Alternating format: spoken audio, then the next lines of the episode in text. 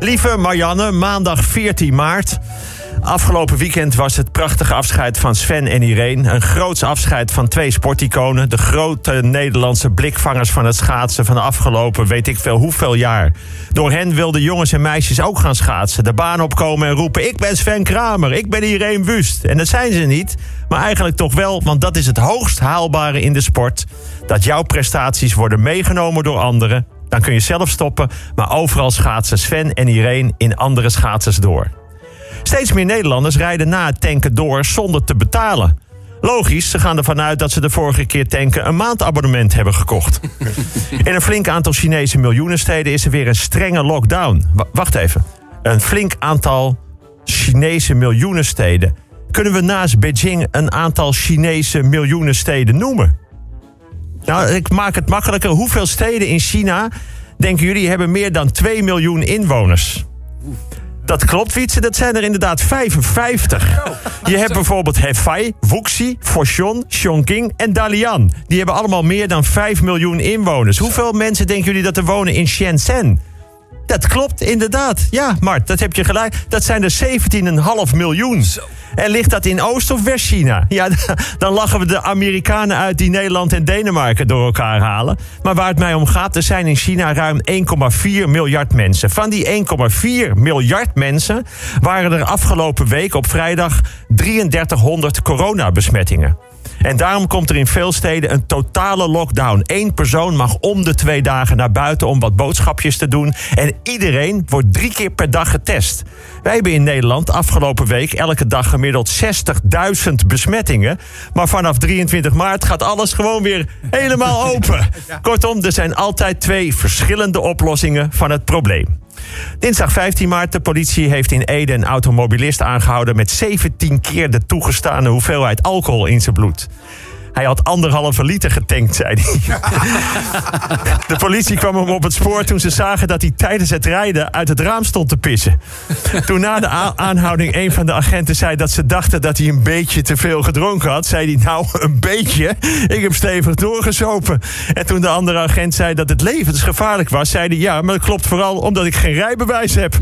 Op de vraag waar hij vandaan kwam, antwoordde de man van de vrijdagmiddagborrel. Zei die agent, maar het is maandag. Ja, daar zat ook een beetje het probleem.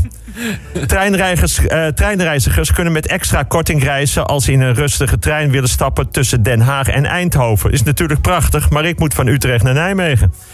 Zevenvoudig wereldkampioen Formule 1 Lewis Hamilton wil voortaan ook de achternaam van zijn moeder dragen. In een aantal dorpen in Nederland is dat vaak dezelfde als van de vader.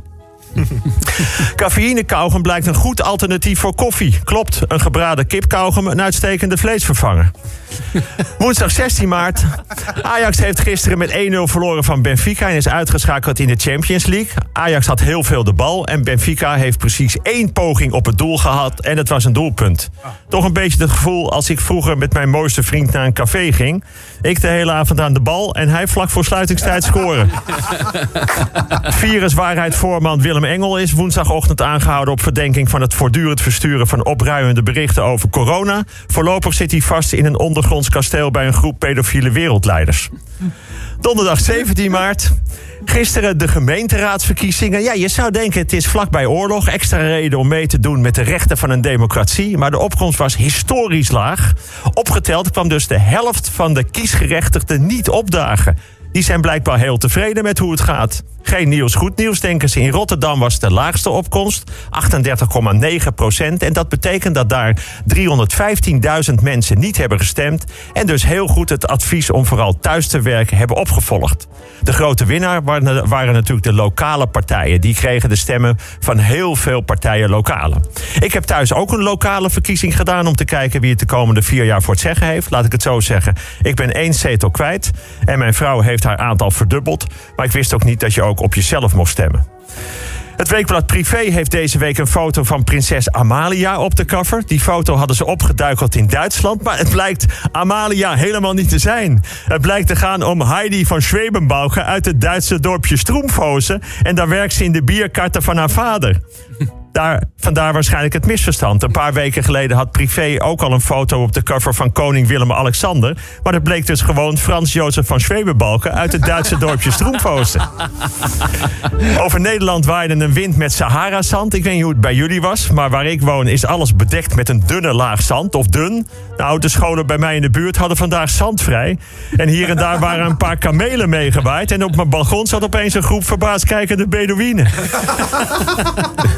Kjeld Nuis heeft in Noorwegen een nieuw snelheidsrecord op de schaats gevestigd. Hij haalde op de schaats dus een snelheid van 103 km per uur. Een uniek record, maar hij werd wel opgepakt door de Noorse politie, want je mag daar maar 50.